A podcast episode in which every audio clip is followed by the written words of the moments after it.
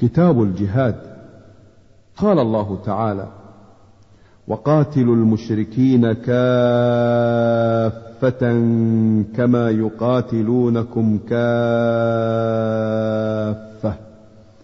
واعلموا أن الله مع المتقين. التوبة.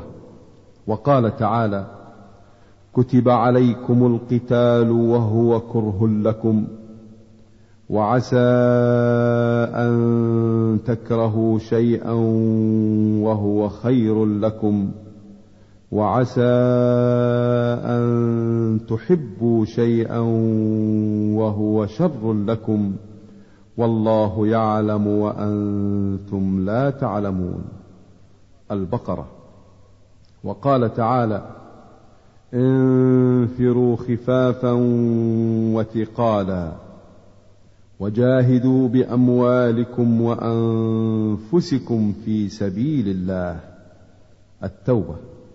وقال تعالى إن الله اشترى من المؤمنين أنفسهم وأموالهم بأن لهم الجنة.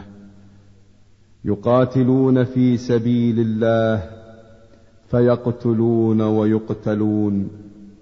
وعدا عليه حقا في التوراة والإنجيل والقرآن.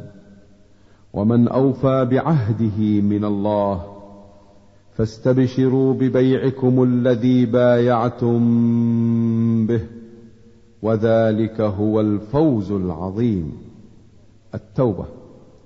وقال الله تعالى لا يستوي القاعدون من المؤمنين غير أولي الضرر والمجاهدون في سبيل الله بأموالهم وأنفسهم. فضل الله المجاهدين بأموالهم وأنفسهم على القاعدين درجة وكلا وعد الله الحسنى. وفضل الله المجاهدين على القاعدين أجرا عظيما. درجات منه ومغفرة ورحمة وكان الله غفورا رحيما. النساء. وقال تعالى يا أيها الذين آمنوا هل أدلكم على تجارة تنجيكم من عذاب أليم؟ تؤمنون بالله ورسوله وتجاهدون في سبيل الله بأموالكم وأنفسكم ذلكم خير لكم إن كنتم تعلمون يغفر لكم ذنوبكم ويدخلكم جنات تجري من تحتها الأنهار ومساكن طيبة في جنات عدن ذلك الفوز العظيم وأخرى تحبونها نصر من الله وفتح قريب وبشر المؤمنين. الصف. والآيات في الباب كثيرة مشهورة وأما الأحاديث في فضل الجهاد فأكثر من أن تحصر. فمن ذلك عن أبي هريرة رضي الله عنه قال سئل رسول الله صلى الله عليه وسلم أي الأعمال أفضل؟ قال إيمان بالله ورسوله. قيل ثم ماذا؟ قال الجهاد في سبيل الله. قيل ثم ماذا؟ قال حج مبرور. متفق عليه. وعن ابن مسعود رضي الله عنه قال قلت يا رسول الله أي العمل أحب إلى الله تعالى؟ قال الصلاة على وقتها. قلت ثم أي؟ قال بر الوالدين. قلت ثم أي؟ قال الجهاد في سبيل الله متفق عليه. وعن أبي ذر رضي الله عنه قال قلت يا رسول الله أي العمل أفضل؟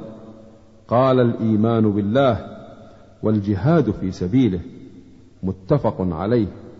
وعن أنس رضي الله عنه أن رسول الله صلى الله عليه وسلم قال لغدوة في سبيل الله أو روحة خير من الدنيا وما فيها متفق عليه.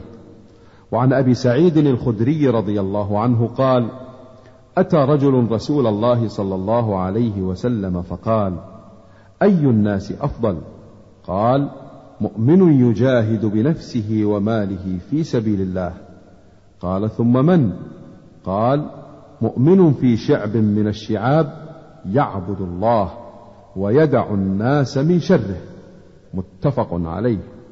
وعن سهل بن سعد رضي الله عنه أن رسول الله صلى الله عليه وسلم قال رباط يوم في سبيل الله خير من الدنيا وما عليها. وموضع صوت أحدكم من الجنة خير من الدنيا وما عليها. والروحة يروحها العبد في سبيل الله تعالى أو الغدوة. خير من الدنيا وما عليها. متفق عليه.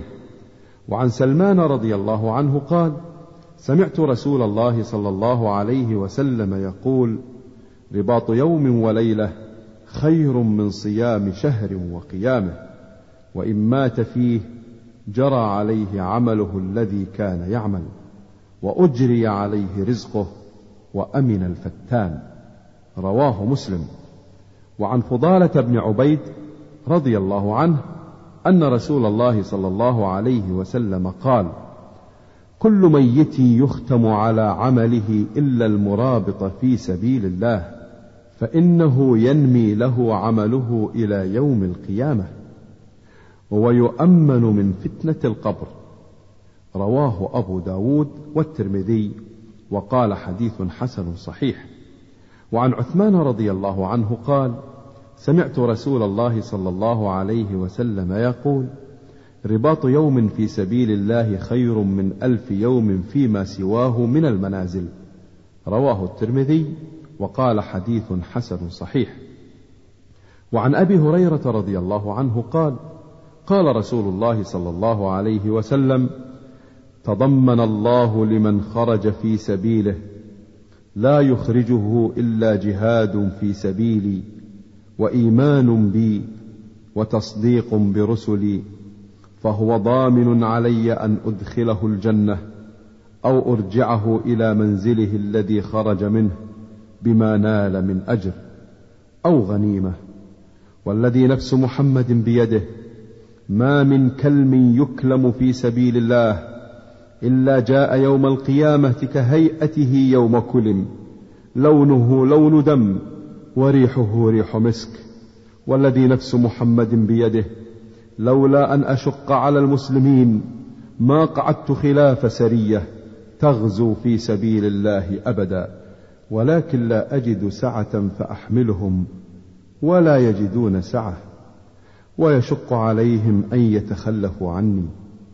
والذي نفس محمد بيده لوددت أن أغزو في سبيل الله فأقتل ثم أغزو فأقتل ثم أغزو فأقتل. رواه مسلم. وروى البخاري بعضه. الكلم الجرح.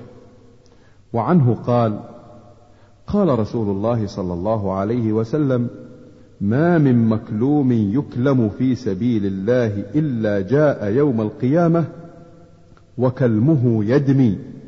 اللون لون دم والريح ريح مسك. متفق عليه.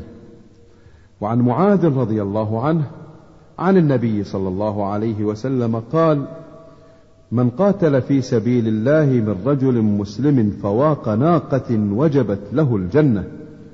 ومن جرح جرحا في سبيل الله أو نكب نكبة فإنها تجيء يوم القيامة كأغزر ما كانت لونها الزعفران وريحها كالمسك. رواه أبو داود والترمذي وقال حديث حسن صحيح. فواق ناقة أي كناية عن قليل الجهاد. وعن أبي هريرة رضي الله عنه قال مر رجل من أصحاب رسول الله صلى الله عليه وسلم بشعب فيه عيينة من ماء عذبة. فأعجبته. فقال لو اعتزلت الناس فأقمت في هذا الشعب ولن أفعل حتى أستأذن رسول الله صلى الله عليه وسلم. فذكر ذلك لرسول الله صلى الله عليه وسلم فقال لا تفعل فإن مقام أحدكم في سبيل الله أفضل من صلاته في بيته سبعين عاما. ألا تحبون أن يغفر الله لكم ويدخلكم الجنة؟ أغزوا في سبيل الله. من قاتل في سبيل الله فواق ناقة وجبت له الجنة. رواه الترمذي وقال حديث حسن. والفواق ما بين الحلبتين. وعنه قال قيل يا رسول الله ما يعدل الجهاد في سبيل الله؟ قال لا تستطيعونه. فأعادوا عليه مرتين أو ثلاثة. كل ذلك يقول لا تستطيعونه ثم قال مثل المجاهد في سبيل الله كمثل الصائم القائم القانت بآيات الله لا يفتر من صلاة ولا صيام حتى يرجع المجاهد في سبيل الله. متفق عليه. وهذا لفظ مسلم. وفي رواية البخاري أن رجلا قال يا رسول الله دلني على عمل يعدل الجهاد. قال لا أجده. ثم قال هل تستطيع إذا خرج المجاهد أن تدخل مسجدك فتقوم ولا تفتر وتصوم ولا تفطر؟ فقال ومن يستطيع ذلك؟ وعنه أن رسول الله صلى الله عليه وسلم قال من خير معاش الناس لهم رجل ممسك بعنان فرسه في سبيل الله يطير على متنه كلما سمع هيعة أو فزعة طار على متنه يبتغي القتل أو الموت مضانه أو رجل في غنيمة أو شعفة من هذه الشعف أو بطن واد من هذه الأودية يقيم الصلاة ويؤتي الزكاة ويعبد ربه حتى يأتيه اليقين. ليس من الناس إلا في خير. رواه مسلم. وعنه أن رسول الله صلى الله عليه وسلم قال إن في الجنة مئة درجة أعدها الله للمجاهدين في سبيل الله ما بين الدرجتين كما بين السماء والأرض. رواه البخاري. وعن أبي سعيد الخدري رضي الله عنه أن رسول الله صلى الله عليه وسلم قال من رضي بالله ربا وبالإسلام دينا وبمحمد رسولا وجبت له الجنة فعجب لها أبو سعيد فقال أعدها علي يا رسول الله. فأعادها عليه ثم قال وأخرى يرفع الله بها العبد مئة درجة في الجنة ما بين كل درجتين كما بين السماء والأرض. قال وما هي يا رسول الله؟ قال الجهاد في سبيل الله الجهاد في سبيل الله. رواه مسلم.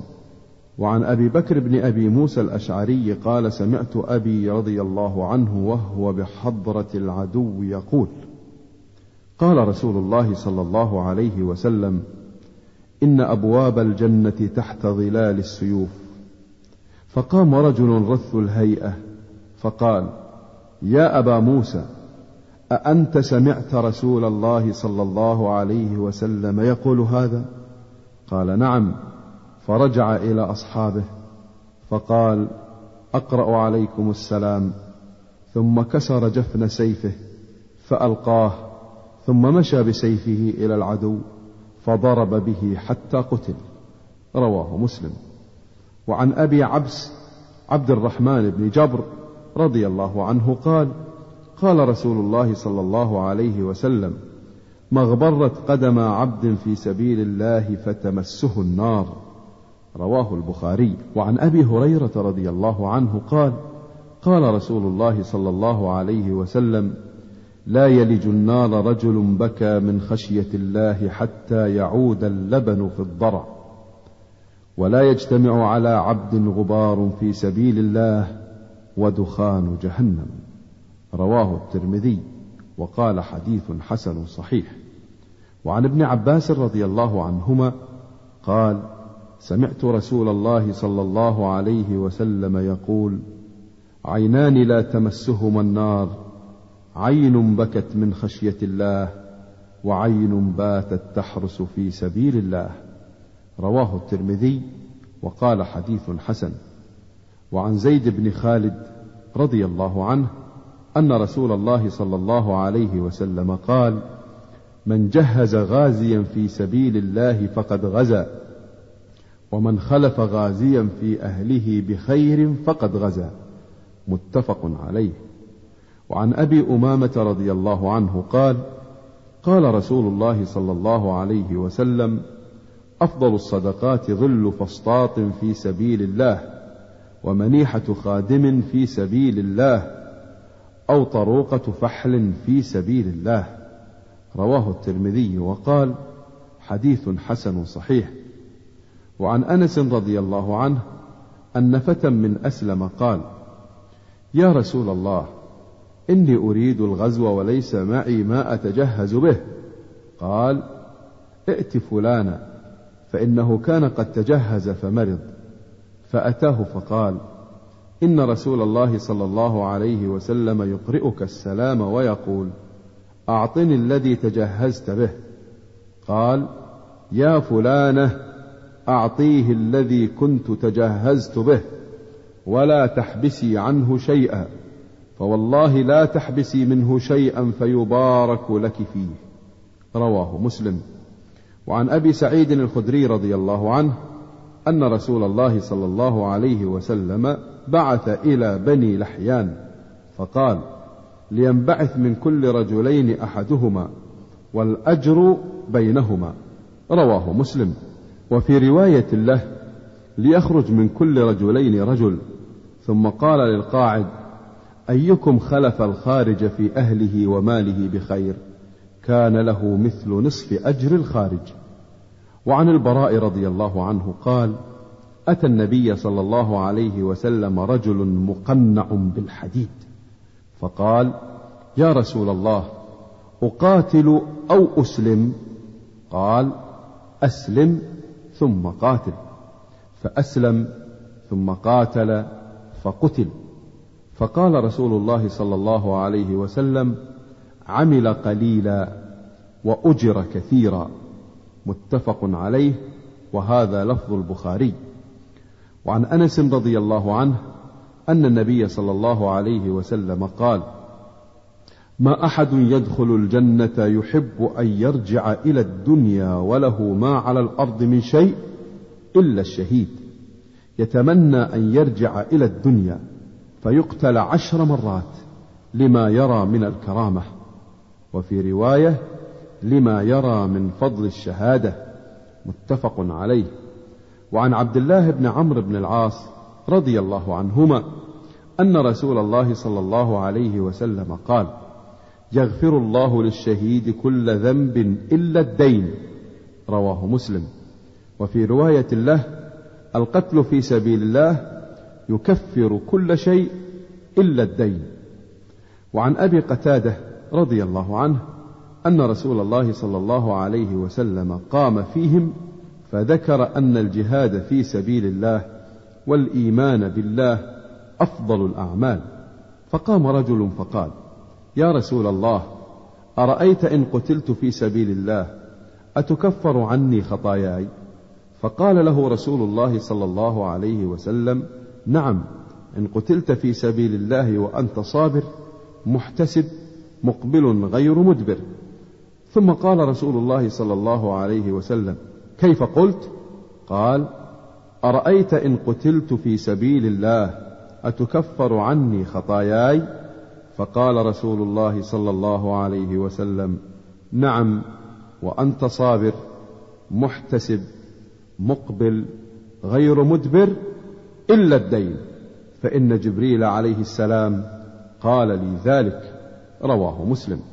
وعن جابر رضي الله عنه قال قال رجل أين أنا يا رسول الله إن قتلت؟ قال في الجنة. فألقى تمرات كن في يده ثم قاتل حتى قتل. رواه مسلم. وعن أنس رضي الله عنه قال انطلق رسول الله صلى الله عليه وسلم وأصحابه حتى سبقوا المشركين إلى بدر وجاء المشركون. فقال رسول الله صلى الله عليه وسلم لا يقدمن أحد منكم إلى شيء حتى أكون أنا دونه. فدنا المشركون. فقال رسول الله صلى الله عليه وسلم قوموا إلى جنة عرضها السماوات والأرض. قال يقول عمير بن الحمام الأنصاري رضي الله عنه يا رسول الله جنة عرضها السماوات والأرض. قال نعم. قال بخ بخ. فقال رسول الله صلى الله عليه وسلم ما يحملك على قولك بخ بخ؟ قال لا والله يا رسول الله إلا رجاء أن أكون من أهلها. قال فإنك من أهلها. فأخرج تمرات من قرنه فجعل يأكل منهن. ثم قال لئن حييت حتى آكل تمراتي هذه إنها لحياة طويلة. فرمى بما كان معه من التمر ثم قاتلهم حتى قتل. رواه مسلم. وعنه قال جاء ناس إلى النبي صلى الله عليه وسلم أن ابعث معنا رجالا يعلمون القرآن والسنة فبعث إليهم سبعين رجلا من الأنصار يقال لهم القراء. فيهم خالي حرام. يقرؤون القرآن ويتدارسون بالليل يتعلمون. وكانوا بالنهار يجيئون بالماء فيضعونه في المسجد ويحتطبون فيبيعونه ويشترون به الطعام لأهل الصفة وللفقراء. فبعثهم النبي صلى الله عليه وسلم فعرضوا لهم فقتلوهم. قبل أن يبلغوا المكان. فقالوا اللهم بلغ عنا نبينا أنا قد لقيناك فرضينا عنك ورضيت عنا. وأتى رجل حراما خال أنس من خلفه فطعنه برمح حتى أنفذه فقال حرام فزت ورب الكعبة. فقال رسول الله صلى الله عليه وسلم إن إخوانكم قد قتلوا وإنهم قالوا اللهم بلغ عنا نبينا أنا قد لقيناك فرضينا عنك ورضيت عنا. متفق عليه وهذا لفظ مسلم. وعنه قال غاب عمي أنس بن النضر رضي الله عنه عن قتال بدر. فقال يا رسول الله غبت عن أول قتال قاتلت المشركين. لئن الله أنشهدني قتال المشركين ليرين الله ما أصنع. فلما كان يوم أحد انكشف المسلمون. فقال اللهم إني أعتذر إليك مما صنع هؤلاء يعني أصحابه. وأبرأ إليك مما صنع هؤلاء يعني المشركين. ثم تقدم. فاستقبله سعد بن معاذ فقال يا سعد بن معاذ الجنة ورب النضر إني أجد ريحها من دون أحد. قال سعد فما استطعت يا رسول الله ما صنع. قال أنس فوجدنا فيه بضعا وثمانين ضربة بالسيف أو طعنة برمح أو رمية بسهم. ووجدناه قد قتل ومثل به المشركون فما عرفه أحد إلا أخته ببنانه.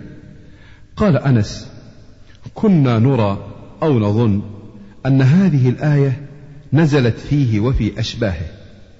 من المؤمنين رجال صدقوا ما عاهدوا الله عليه فمنهم من قضى نحبه إلى آخرها. الأحزاب. متفق عليه. وقد سبق في باب المجاهدة.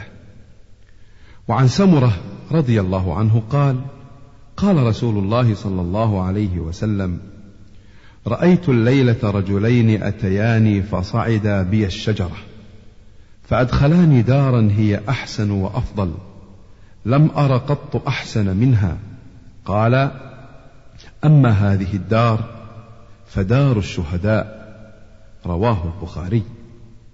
وهو بعض من حديث طويل فيه أنواع العلم سيأتي في باب تحريم الكذب إن شاء الله تعالى. وعن أنس رضي الله عنه أن أم الربيع بنت البراء وهي أم حارثة ابن سراقة أتت النبي صلى الله عليه وسلم فقالت يا رسول الله ألا تحدثني عن حارثة؟ وكان قتل يوم بدر. فإن كان في الجنة صبرت وإن كان غير ذلك اجتهدت عليه في البكاء. فقال يا أم حارثة إنها جنان في الجنة وإن ابنك أصاب الفردوس الأعلى. رواه البخاري. وعن جابر بن عبد الله رضي الله عنهما قال جيء بأبي إلى النبي صلى الله عليه وسلم قد مثل به فوضع بين يديه فذهبت أكشف عن وجهه فنهاني قوم فقال النبي صلى الله عليه وسلم ما زالت الملائكة تظله بأجنحتها. متفق عليه. وعن سهل بن حنيف رضي الله عنه أن رسول الله صلى الله عليه وسلم قال من سأل الله تعالى الشهادة بصدق بلغه الله منازل الشهداء وإن مات على فراشه. رواه مسلم. وعن أنس رضي الله عنه قال قال رسول الله صلى الله عليه وسلم من طلب الشهادة صادقا أعطيها ولو لم تصبه. رواه مسلم. وعن أبي هريرة رضي الله عنه قال قال رسول الله صلى الله عليه وسلم ما يجد الشهيد من مس القتل إلا كما يجد أحدكم من مس القرصة. رواه الترمذي وقال حديث حسن صحيح. وعن عبد الله بن أبي أوفى رضي الله عنهما أن رسول الله صلى الله عليه وسلم في بعض أيامه التي لقي فيها العدو انتظر حتى مالت الشمس ثم قام في الناس فقال أيها الناس لا تتمنوا لقاء العدو وسلوا الله العافية فإذا لقيتموه فاصبروا واعلموا أن الجنة تحت ظلال السيوف. ثم قال اللهم منزل الكتاب ومجري السحاب وهازم الأحزاب اهزمهم وانصرنا عليهم. متفق عليه. وعن سهل بن سعد رضي الله عنه قال قال رسول الله صلى الله عليه وسلم ثنتان لا تردان أو قلما تردان. الدعاء عند النداء وعند البأس حين يلجم بعضهم بعضا. رواه أبو داود بإسناد صحيح. وعن أنس رضي الله عنه قال كان رسول الله صلى الله عليه وسلم إذا غزا قال اللهم أنت عضدي ونصيري بك أحول وبك أصول وبك أقاتل. رواه أبو داود والترمذي وقال حديث حسن. وعن أبي موسى رضي الله عنه أن النبي صلى الله عليه وسلم كان إذا خاف يوما قال اللهم إنا نجعلك في نحورهم ونعوذ بك من شرورهم.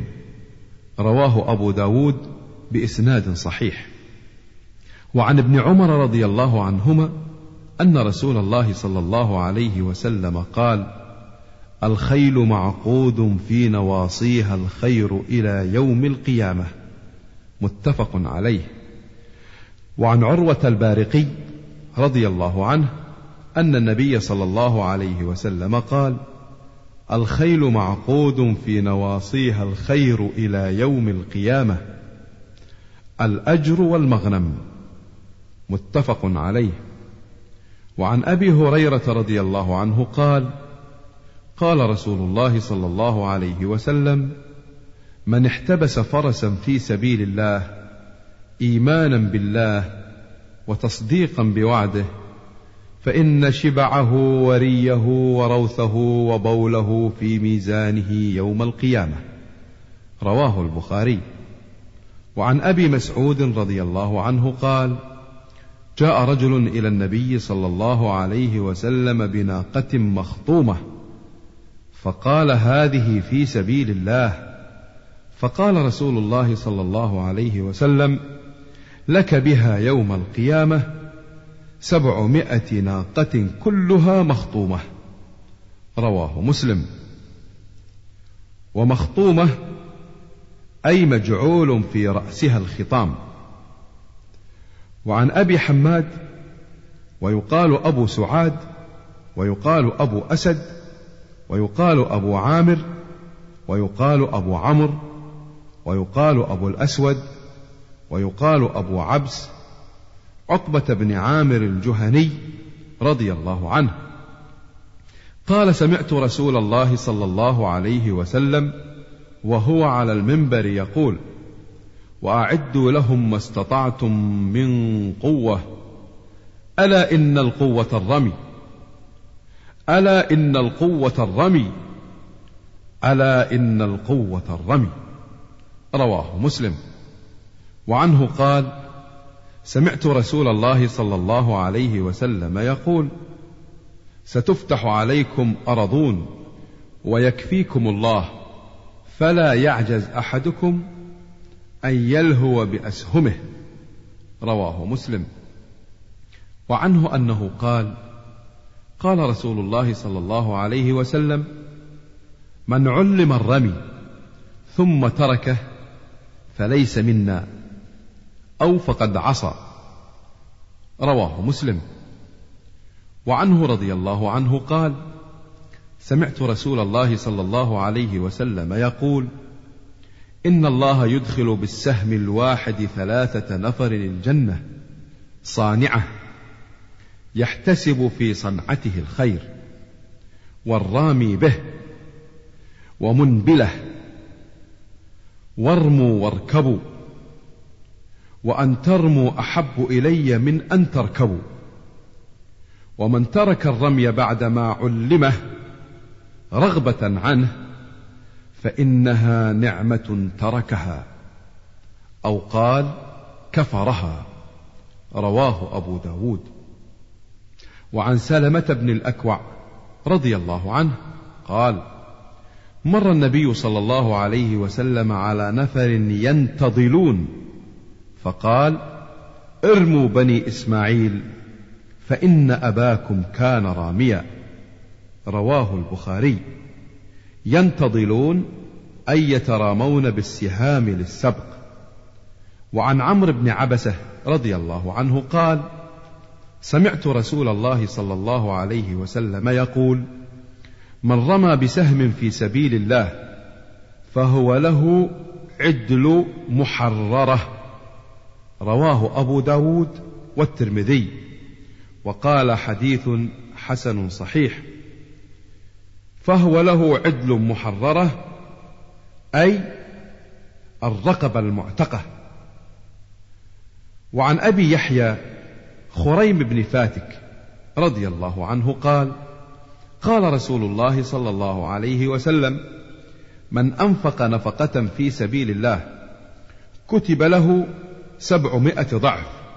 رواه الترمذي وقال حديث حسن. وعن أبي سعيد رضي الله عنه قال قال رسول الله صلى الله عليه وسلم ما من عبد يصوم يوما في سبيل الله إلا باعد الله بذلك اليوم وجهه عن النار سبعين خريفا. متفق عليه.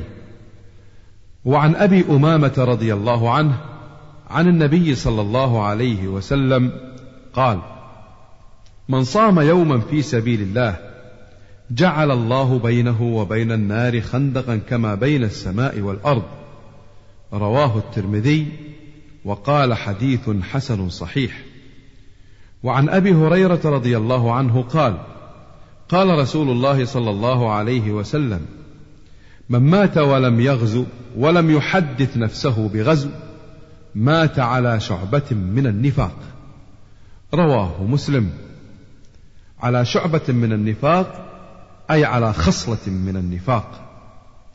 وعن جابر رضي الله عنه قال كنا مع النبي صلى الله عليه وسلم في غزاة فقال إن بالمدينة لرجالا ما سرتم مسيرا ولا قطعتم واديا إلا كانوا معكم حبسهم المرض وفي رواية حبسهم العذر وفي رواية إلا شركوكم في الأجر رواه البخاري من رواية أنس ورواه مسلم من رواية جابر واللفظ له. وعن أبي موسى رضي الله عنه أن أعرابيا أتى النبي صلى الله عليه وسلم فقال يا رسول الله الرجل يقاتل للمغنم والرجل يقاتل ليذكر والرجل يقاتل ليرى مكانه. وفي رواية يقاتل شجاعة ويقاتل حمية. وفي رواية ويقاتل غضبا. فمن في سبيل الله؟ فقال رسول الله صلى الله عليه وسلم من قاتل لتكون كلمة الله هي العليا فهو في سبيل الله. متفق عليه. وعن عبد الله بن عمرو بن العاص رضي الله عنهما قال قال رسول الله صلى الله عليه وسلم ما من غازية أو سرية تغزو فتغنم وتسلم إلا كانوا قد تعجلوا ثلثي أجورهم وما من غازية أو سرية تخفق وتصاب إلا تم أجورهم. رواه مسلم. وعن أبي أمامة رضي الله عنه أن رجلا قال يا رسول الله ائذن لي في السياحة. فقال النبي صلى الله عليه وسلم إن سياحة امتي الجهاد في سبيل الله عز وجل. رواه أبو داود بإسناد جيد. السياحة مفارقة الوطن والذهاب في الأرض. وأصله من السيح وهو الماء الجاري منبسطا على وجه الأرض كأنه استأذن في الذهاب في الأرض طهرا لنفسه بمفارقة المألوفات وهجر المباحات واللذات فرد عليه ذلك لما فيه من ترك الجمعة والجماعات. وعن عبد الله بن عمرو بن العاص رضي الله عنهما عن النبي صلى الله عليه وسلم قال قفلة كغزوة. رواه أبو داود بإسناد جيد. القفلة الرجوع والمراد الرجوع من الغزو بعد فراغه ومعناه أنه يثاب في رجوعه بعد فراغه من الغزو. وعن السائب بن يزيد رضي الله عنه قال لما قدم النبي صلى الله عليه وسلم من غزوة تبوك تلقاه الناس. فتلقيته مع الصبيان على ثنية الوداع. رواه أبو داود بإسناد صحيح بهذا اللفظ. ورواه البخاري قال ذهبنا نتلقى رسول الله صلى الله عليه وسلم مع الصبيان إلى ثنية الوداع. وعن أبي أمامة رضي الله عنه عن النبي صلى الله عليه وسلم قال من لم يغزو أو يجهز غازيا أو يخلف غازيا في أهله بخير أصابه الله بقارعة قبل يوم القيامة. رواه أبو داود بإسناد صحيح. القارعة الداهية. وعن أنس رضي الله عنه أن النبي صلى الله عليه وسلم قال جاهدوا المشركين بأموالكم وأنفسكم وألسنتكم. رواه أبو داود بإسناد صحيح. وعن أبي عمرو ويقال أبو حكيم النعمان بن مقرن رضي الله عنه قال شهدت رسول الله صلى الله عليه وسلم إذا لم يقاتل من أول النهار أخر القتال حتى تزول الشمس وتهب الرياح وينزل النصر رواه أبو داود والترمذي وقال حديث حسن صحيح. وعن أبي هريرة رضي الله عنه قال قال رسول الله صلى الله عليه وسلم لا تتمنوا لقاء العدو واسألوا الله العافية فإذا لقيتموهم فاصبروا متفق عليه. وعنه وعن جابر رضي الله عنهما أن النبي صلى الله عليه وسلم قال الحرب خدعة متفق عليه. وتقرأ الحرب خدعة. ومعنى خدعة كما قال الخطابي أن المقاتل إذا خدع مرة واحدة لم يكن لها إقالة. وخدعة ومعناه أن الحرب تخدع الرجال وتمنيهم ولا تفي لهم. باب بيان جماعة من الشهداء في ثواب الآخرة. ويغسلون ويصلى عليهم بخلاف القتيل في حرب الكفار. عن أبي هريرة رضي الله عنه قال قال رسول الله صلى الله عليه وسلم الشهداء خمسة المطعون والمبطون والغريق وصاحب الهدم والشهيد في سبيل الله متفق عليه. المطعون الذي مات بالطاعون والمبطون من مات بمرض البطن وصاحب الهدم الذي مات تحت الهدم. وعنه قال قال رسول الله صلى الله عليه وسلم ما تعدون الشهداء فيكم؟ قالوا يا رسول الله من قتل في سبيل الله فهو شهيد. قال إن شهداء أمتي اذا لقليل. قالوا فمن يا رسول الله؟ قال من قتل في سبيل الله فهو شهيد ومن مات في سبيل الله فهو شهيد ومن مات في الطاعون فهو شهيد ومن مات في البطن فهو شهيد والغريق شهيد. رواه مسلم. وعن عبد الله بن عمرو بن العاص رضي الله عنهما قال قال رسول الله صلى الله عليه وسلم من قتل دون ماله فهو شهيد. متفق عليه. وعن أبي الأعور سعيد بن زيد بن عمرو بن نفيل أحد العشرة المشهود لهم بالجنة رضي الله عنهم. قال سمعت رسول الله صلى الله عليه وسلم يقول من قتل دون ماله فهو شهيد ومن قتل دون دمه فهو شهيد ومن قتل دون دينه فهو شهيد ومن قتل دون أهله فهو شهيد. رواه أبو داود والترمذي وقال حديث حسن صحيح. وعن أبي هريرة رضي الله عنه قال جاء رجل إلى رسول الله صلى الله عليه وسلم فقال يا رسول الله أرأيت إن جاء رجل يريد أخذ مالي؟ قال فلا تعطه مالك. قال أرأيت إن قاتلني؟ قال قاتله. قال أرأيت إن قتلني؟ قال فأنت شهيد. قال أرأيت إن قتلته؟ قال هو في النار. رواه مسلم. باب فضل العتق. قال الله تعالى فلاقتحم العقبة وما أدراك ما العقبة فك رقبة البلد.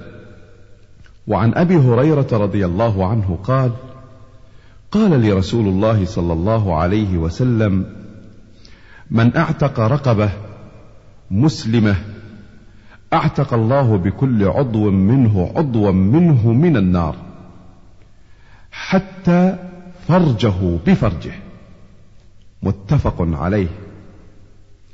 وعن أبي ذر رضي الله عنه قال قلت يا رسول الله أي الأعمال أفضل؟ قال الإيمان بالله والجهاد في سبيل الله. قال قلت أي الرقاب أفضل؟ قال أنفسها عند أهلها وأكثرها ثمنا. متفق عليه. باب فضل الإحسان إلى المملوك. قال الله تعالى واعبدوا الله ولا تشركوا به شيئا وبالوالدين إحسانا.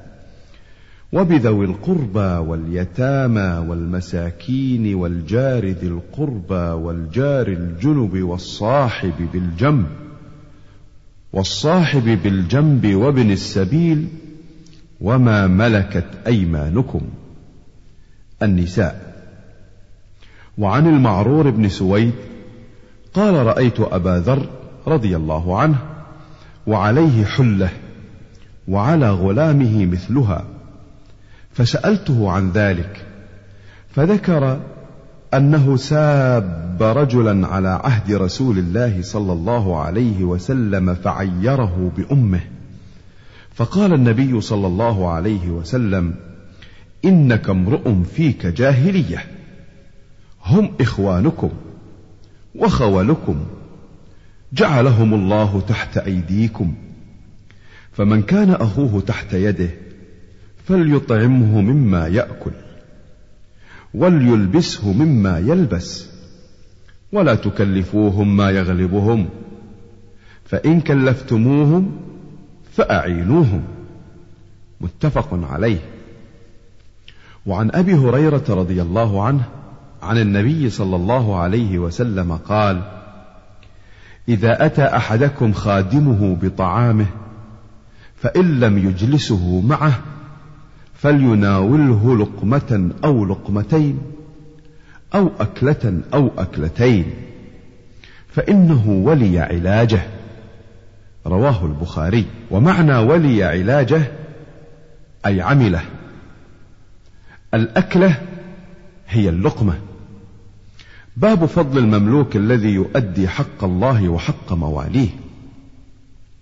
عن ابن عمر رضي الله عنهما أن رسول الله صلى الله عليه وسلم قال إن العبد إذا نصح لسيده وأحسن عبادة ربه فله أجره مرتين متفق عليه.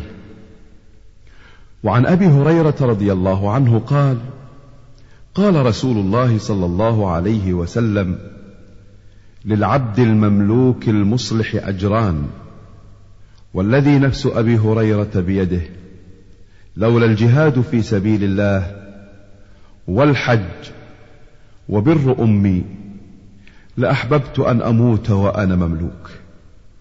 متفق عليه. وعن أبي موسى الأشعري رضي الله عنه قال قال رسول الله صلى الله عليه وسلم المملوك الذي يحسن عبادة ربه ويؤدي إلى سيده الذي عليه من الحق والنصيحة والطاعة له أجران. رواه البخاري. وعنه قال قال رسول الله صلى الله عليه وسلم ثلاثة لهم أجران. رجل من أهل الكتاب آمن بنبيه وآمن بمحمد. والعبد المملوك إذا أدى حق الله وحق مواليه. ورجل كانت له أمة فأدبها وأحسن تأديبها وعلمها فأحسن تعليمها ثم أعتقها فتزوجها فله أجران. متفق عليه. باب فضل العبادة في الهرج وهو الاختلاط والفتن ونحوها. عن معقل بن يسار رضي الله عنه قال قال رسول الله صلى الله عليه وسلم العبادة في الهرج كهجرة معي. رواه مسلم. باب فضل السماحة في البيع والشراء والأخذ والعطاء وحسن القضاء والتقاضي وإرجاح المكيال والميزان والنهي عن التطفيف وفضل انظار الموسر المعسر والوضع عنه. قال الله تعالى وما تفعلوا من خير فإن الله به عليم. البقرة. وقال تعالى ويا قوم أوفوا المكيال والميزان بالقسط ولا تبخسوا الناس أشياءهم. هود. وقال تعالى ويل للمطففين الذين إذا اكتالوا على الناس يستوفون وإذا كالوهم أو وزنوهم يخسرون ألا يظن أولئك أنهم مبعوثون ليوم عظيم يوم يقوم الناس لرب العالمين المطففين وعن أبي هريرة رضي الله عنه أن رجلا أتى النبي صلى الله عليه وسلم يتقاضاه فأغلظ له فهم به أصحابه. فقال رسول الله صلى الله عليه وسلم دعوه فإن لصاحب الحق مقالا. ثم قال أعطوه سنا مثل سنه. قالوا يا رسول الله لا نجد إلا أمثل من سنه. قال أعطوه فإن خيركم أحسنكم قضاء. متفق عليه. الأمثل الأعلى. وعن جابر رضي الله عنه أن رسول الله صلى الله عليه وسلم قال رحم الله رجلا سمحا إذا باع. وإذا اشترى وإذا اقتضى رواه البخاري.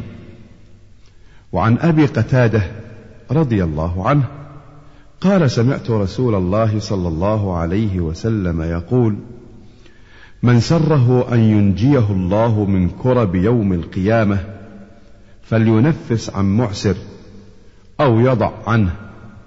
رواه مسلم. وعن أبي هريرة رضي الله عنه أن رسول الله صلى الله عليه وسلم قال كان رجل يداين الناس وكان يقول لفتاه إذا أتيت معسرا فتجاوز عنه لعل الله يتجاوز عنا فلقي الله فتجاوز عنه. متفق عليه.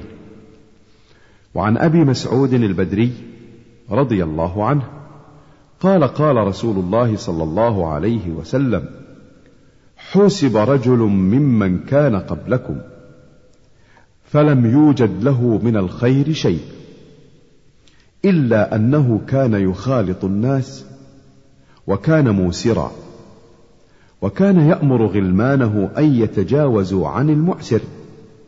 قال الله عز وجل نحن أحق بذلك منه. تجاوزوا عنه. رواه مسلم. وعن حذيفة رضي الله عنه قال اتي الله تعالى بعبد من عباده آتاه الله مالا. فقال له ماذا عملت في الدنيا؟ قال ولا يكتمون الله حديثا. قال يا رب آتيتني مالك فكنت أبايع الناس وكان من خلق الجواز فكنت أتيسر على الموسر وأنظر المعسر. فقال تعالى أنا أحق بذا منك تجاوزوا عن عبدي. فقال عقبة بن عامر وأبو مسعود الأنصاري رضي الله عنهما هكذا سمعناه من في رسول الله صلى الله عليه وسلم. رواه مسلم. وعن أبي هريرة رضي الله عنه قال قال رسول الله صلى الله عليه وسلم من أنظر معسرا أو وضع له أظله الله يوم القيامة تحت ظل عرشه يوم لا ظل إلا ظله رواه الترمذي وقال حديث حسن صحيح. وعن جابر رضي الله عنه أن النبي صلى الله عليه وسلم اشترى منه بعيرا بوقيتين ودرهم أو درهمين فوزن له فأرجح. متفق عليه. وعن أبي صفوان سويد بن قيس رضي الله عنه قال جلبت أنا ومخرمة العبدي بزا من هجر. فجاءنا النبي صلى الله عليه وسلم فساومنا بسراويل. وعندي وزان يزن بالأجر.